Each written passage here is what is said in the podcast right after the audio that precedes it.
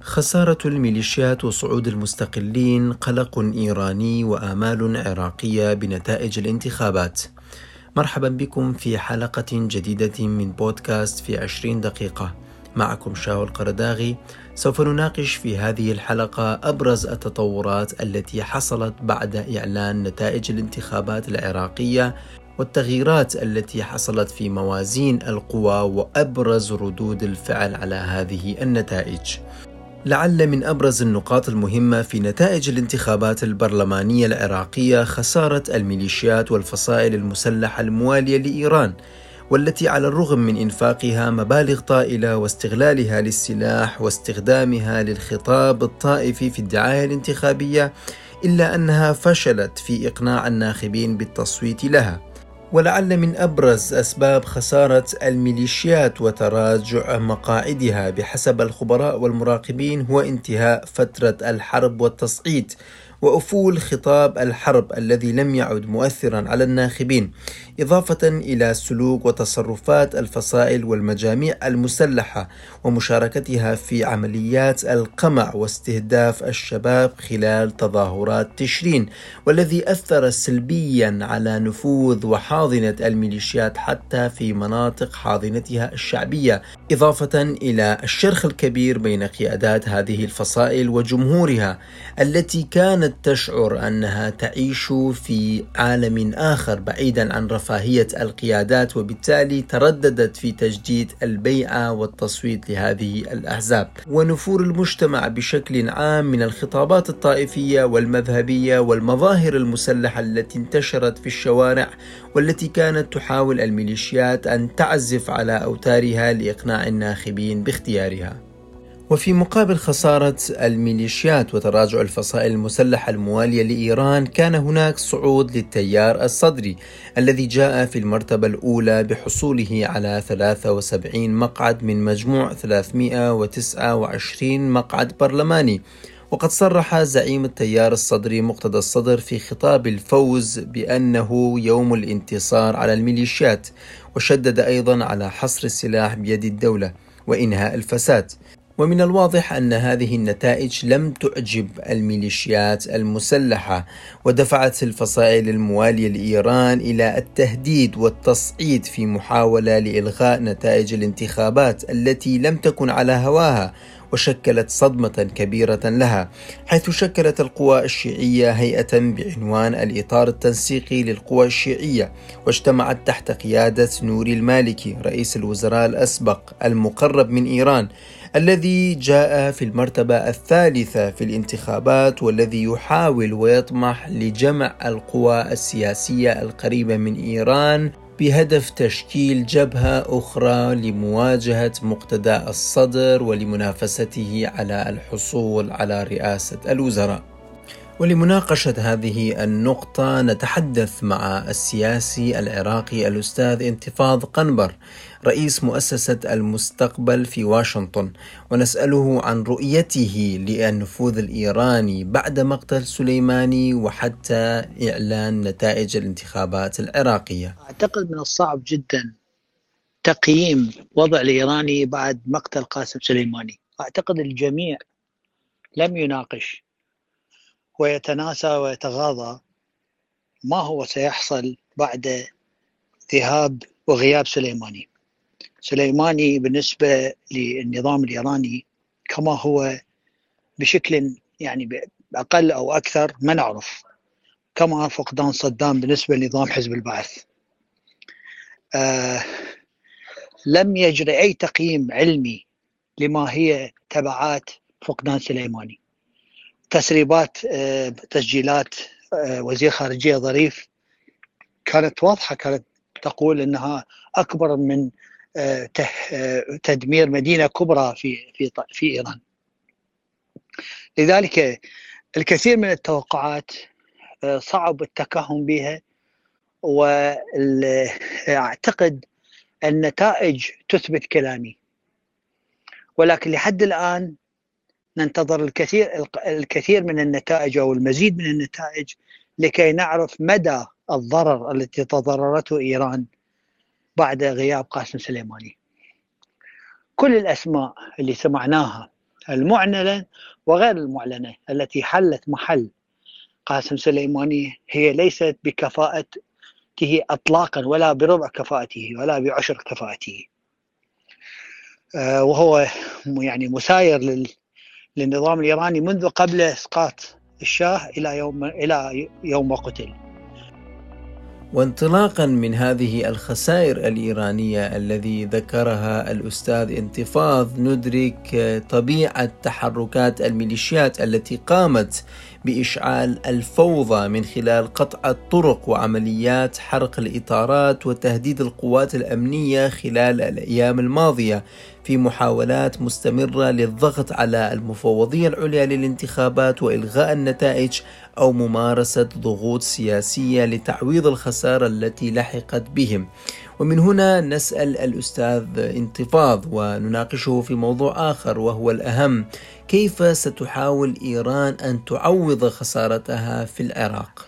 أه، أه، كيف ستعوض إيران خسارتها ستحاول الضغط على الصدر من خلال مظاهرات ميليشياوية وتهديدات متتالية. أعتقد الغاية من هذه التهديدات وقد وقد أكون يعني قريبا لليقين أن الغرض من هذه التهديدات هو مو الحصول على مقاعد أكثر. لأن أعتقد هم فقدوا الأمل في الحصول على مقاعد أكثر. وحتى أن حصلوا هذا لا يغير لن يغير المعادلة لأن الفرق كبير جدا. يعني مقتضى الصدر قائمته خمس مرات رياضيا بقدر قائمتهم. أعتقد سيحاولون استخدام الضغط والترهيب والتخويف للسيد مقتدى الصدر لكي يدخلوا في الحكومة توافقية ويكونون ويعاملون نفس أنفسهم ويعاملون كأنهم لم يخسروا الانتخابات. على أساس التوافق الإيراني. القضية هذا مو توافق بالمناسبة. هذا آه، يسمى يعني تلاعب في النتائج آه، الانتخابات والتلاعب في الديمقراطية، إيران تلاعبت بالديمقراطية العراقية وبالدستور العراقي بطريقة بحيث أبطلتها تدريجيا. صلاحيات رئيس الجمهورية في اقاله رئيس الوزراء سحبت. وكانت النقطة الكبرى عندما آه، يعني تمانع المرحوم جلال طلباني عن اقاله المالكي في 2012 وكل اعتراض وكل خطوة دراماتيكيه لتغيير النظام تجابه بال بال بالإيقاف والتسليم والتدمير حتى وإن كانت دستورية. وبذلك أصبح الدستور مسألة شكلية تحت سقف ما يسمى بالتوافقية. وأعتقد آه، هذه التوافقية هو توازن صعب الحفاظ عليه أكرر في غياب قاسم سليماني. لكن بدا صعوبة ذلك مدى فشلهم في المرحلة القادمة. أعتقد الاحتمالات مفتوحة. وبالنظر إلى تراجع وخسارة الكثير من الأصوات والأطراف الطائفية التي كانت تستغل الخطاب الطائفي في عملها السياسي نسأل الأستاذ انتفاض عن مدى بروز النزعة الوطنية في الانتخابات الأخيرة مقابل النزعة الطائفية الضيقة التي كانت سلاحا للميليشيات والفصائل المسلحة ولإيران للسيطرة على المجتمع هل يمكن أن نتأمل بوجود هذه النزعة الوطنية كإشارة من خلال نتائج الانتخابات الأخيرة؟ نتائج الانتخابات تثبت أن لإيران وللعراق وللعالم. أن العراق هو ليس لبنان. لبنان بلد صغير. آه، إيران تضخ أموال هائلة إلى هذا البلد. واستطاعت بذلك أن تسخر نسبة من الشعب الإيراني ومنه خاصة الشيعة آه، ومعزولين في منطقة في جنوب لبنان. العراق أكبر بكثير من لبنان متنوع أكثر بكثير. كذلك العراق ينتج ويعطي لإيران ولا يأخذ من إيران. فلذلك محاولة خلق جو من السيطرة الكاملة على وضع العراق آه، هذا يعني نسج من الخيال. حاولت حاولت دول قبلها ولن تستطيع. ليس فقط بسبب النزعة الوطنية بسبب التنوع وبسبب التناقضات الكبيرة موجودة العراق وبسبب كبر العراق وغناه.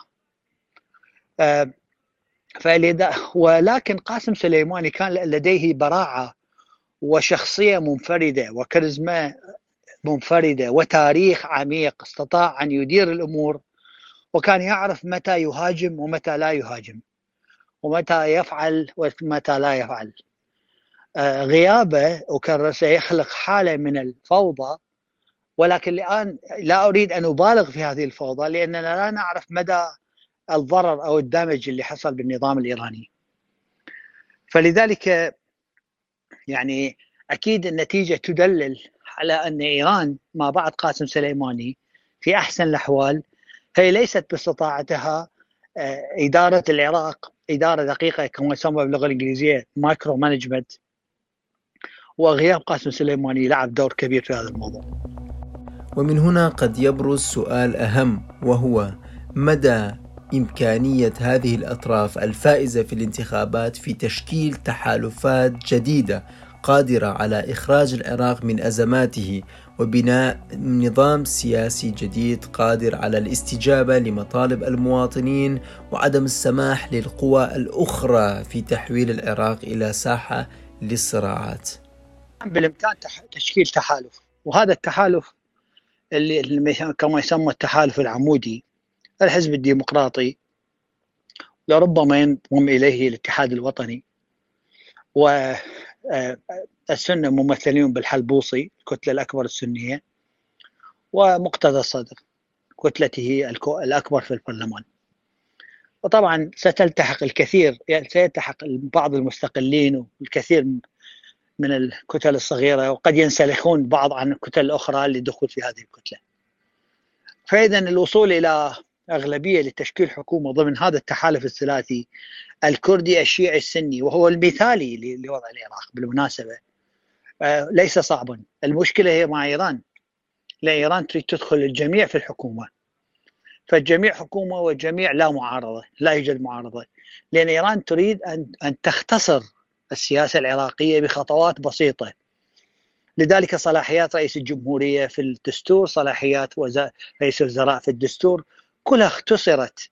يعني آه، حتى صلاحيات البرلمان اختصرت لكي يسهل إدارة القضية السياسية العراقية لأن الديمقراطية والدستور العراقي وكيف يدير الوضع الديمقراطي بشكل معقد لا يفيد إيران ويصعب الأمر أيضا.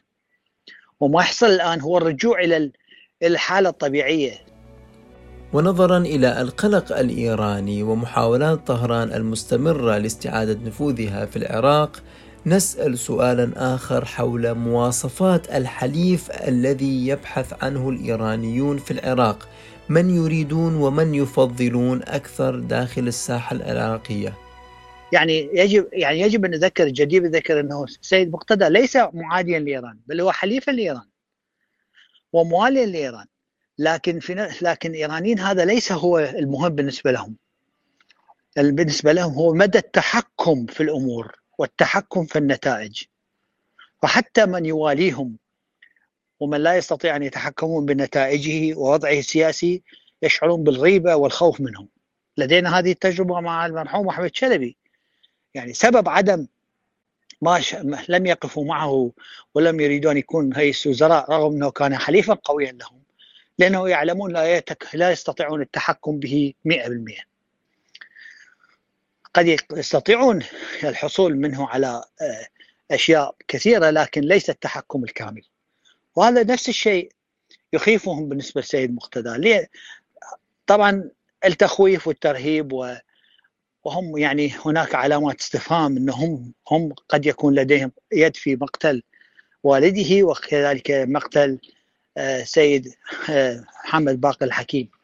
وهذه كلها أمثلة تمثل خلق حالة من الخوف. خلقها قاسم سليماني عندما كان حيا للسيطره على الوضع العراقي. الأمور تغيرت اليوم ويجب أن ننتظر ونرى ما هي التغييرات وما هو الضرر الذي حصل في الإدارة الإيرانية أو النظام الإيراني بعد مقتل قاسم سليماني. وشكرا. إضافة إلى تراجع الخطاب الطائفي وخسارة الميليشيات للكثير من مقاعدها مقارنة بالانتخابات الماضية فإن هناك تطورا آخر أكثر أهمية وهو بروز قوى وطنية مستقلة دخلت السباق الانتخابي ونجحت في كسب مقاعد انتخابية. حيث أن الحركات الجديدة مع المستقلين يتجاوز عددهم 60 مقعدا في البرلمان العراقي الجديد ما يعني أن هناك قوى جديدة تدخل البرلمان بعيدا عن المحاصصة وهي خرجت من رحم تظاهرات تشرين التي نجحت في تكوين وإعداد وتقديم وجوه جديدة قادرة على حمل الرسالة وأيضا على تحقيق أهداف تشرين التي خرج من أجلها آلاف المواطنين في كافة المحافظات العراقية. ولمناقشة هذا الموضوع سوف نتحدث مع الدكتور محمود النجار الكاتب والصحفي العراقي حول أهمية بروز هذه الحركات الجديدة والأطراف المستقلة التي نجحت في الدخول إلى البرلمان العراقي. نشهد نحن العراقيون في الدورة البرلمانية الخامسة منذ عام 2003 وحتى هذه اللحظة. نشهد لأول مرة آه، ارتفاع عدد مقاعد المستقلين وظهور تيارات سياسية شبابية خرجت من رحم التظاهرات والاحتجاجات لكي تطالب بمطالب آه، الشعب المنتفض الذي خرج عام 2019 آه، وما زال يخوض تجربة الديمقراطية أو يبحث عنها ويفتش عن المنقذين المخلصين لهذا البلد. تجربة آه، صعود المستقلين وفوزهم آه، في مقاعد البرلمان العراقي لعام 2021 وحصولهم على 60 مقعد يدل على أن التيارات السياسية الشبابية والمستقلين آه، أصبحوا جزءا من المعادلة السياسية بعد أن كان يتم إقصاؤهم وتهميشهم أو قمعهم والتضييق عليهم. بالتالي هذا يدل على ارتفاع معدل الديمقراطية حتى وإن كانت هذه الديمقراطية تتعرض إلى انتهاكات وإلى ابتزازات وحالات اغتيال واعتقالات. ولكن هذا يدل بأن هناك وعي جماهيري شعبي نحو المطالبة بالحقوق بالطرق السلمية السياسية وفق متطلبات الدستور العراقي ووفقا آه، للمعايير الدولية آه، للتغيير والإصلاح من داخل المنظومة السياسية. ونسأل أيضا الدكتور محمود حول تأثير هذه الأطراف والشخصيات المستقلة في النظام السياسي والعملية السياسية بشكل عام.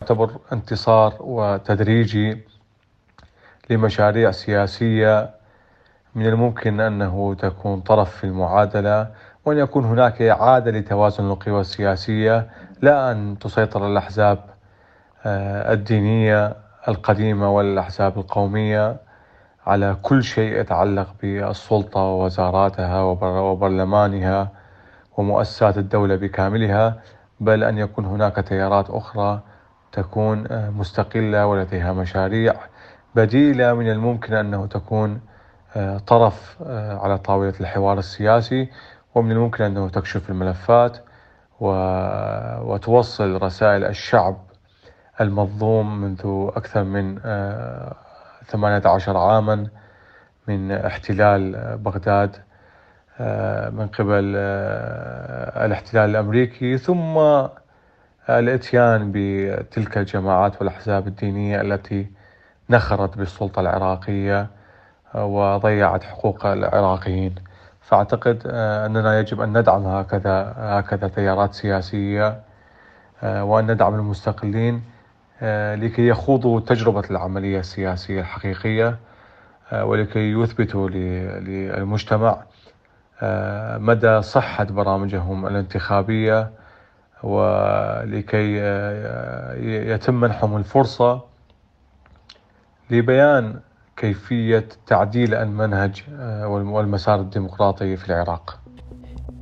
يطمح العراقيون إلى أن تؤدي نتائج الانتخابات إلى بروز حكومة قوية قادرة على استعادة استقلالية القرار وإبعاد العراق عن المشاكل والصراعات الداخلية والإقليمية والدولية. إلى هنا ننتهي من هذه الحلقة من بودكاست في عشرين دقيقة من إعداد وتقديم شاهو القرداغي. شكرا لكم لحسن الاستماع وإلى اللقاء.